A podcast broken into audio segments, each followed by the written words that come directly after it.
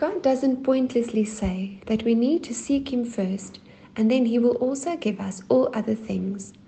We see this being demonstrated in Luke 2 by Jesus, who at a very young age concerned himself with the work or business of his Father.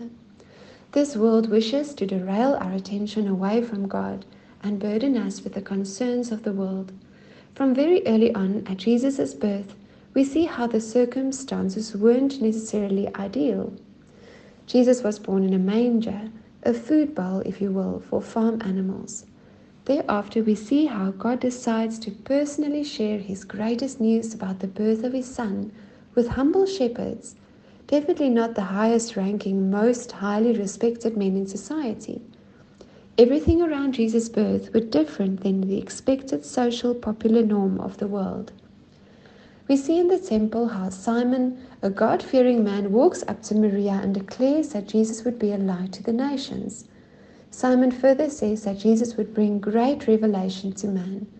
It is precisely this revelation regarding God's kingdom and what is God's will that Jesus would teach the people. This revelation about God's kingdom and what is important in his eyes were, however, very different from the common accepted ways and thought patterns of the world. Jesus could only bring this revelation about God's kingdom to us because his eyes were focused on his Father and the works of the Father. It is a great challenge for us to divert away from the pattern of how we think and do things. It isn't easy to not just conform to the ways of the world. Jesus, however, wishes for us to similarly keep our eyes on Him and to focus our attention on the business of the Father and thereby discern what is really important to God.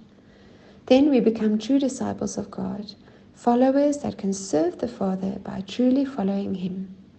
May God help you to be liberated from the patterns of this world by helping you to keep your eyes on Him, so that in the midst of your seemingly not ideal circumstances, you can truly follow God and also be a light to the nations around you. I pray this for you in Jesus' name. Amen.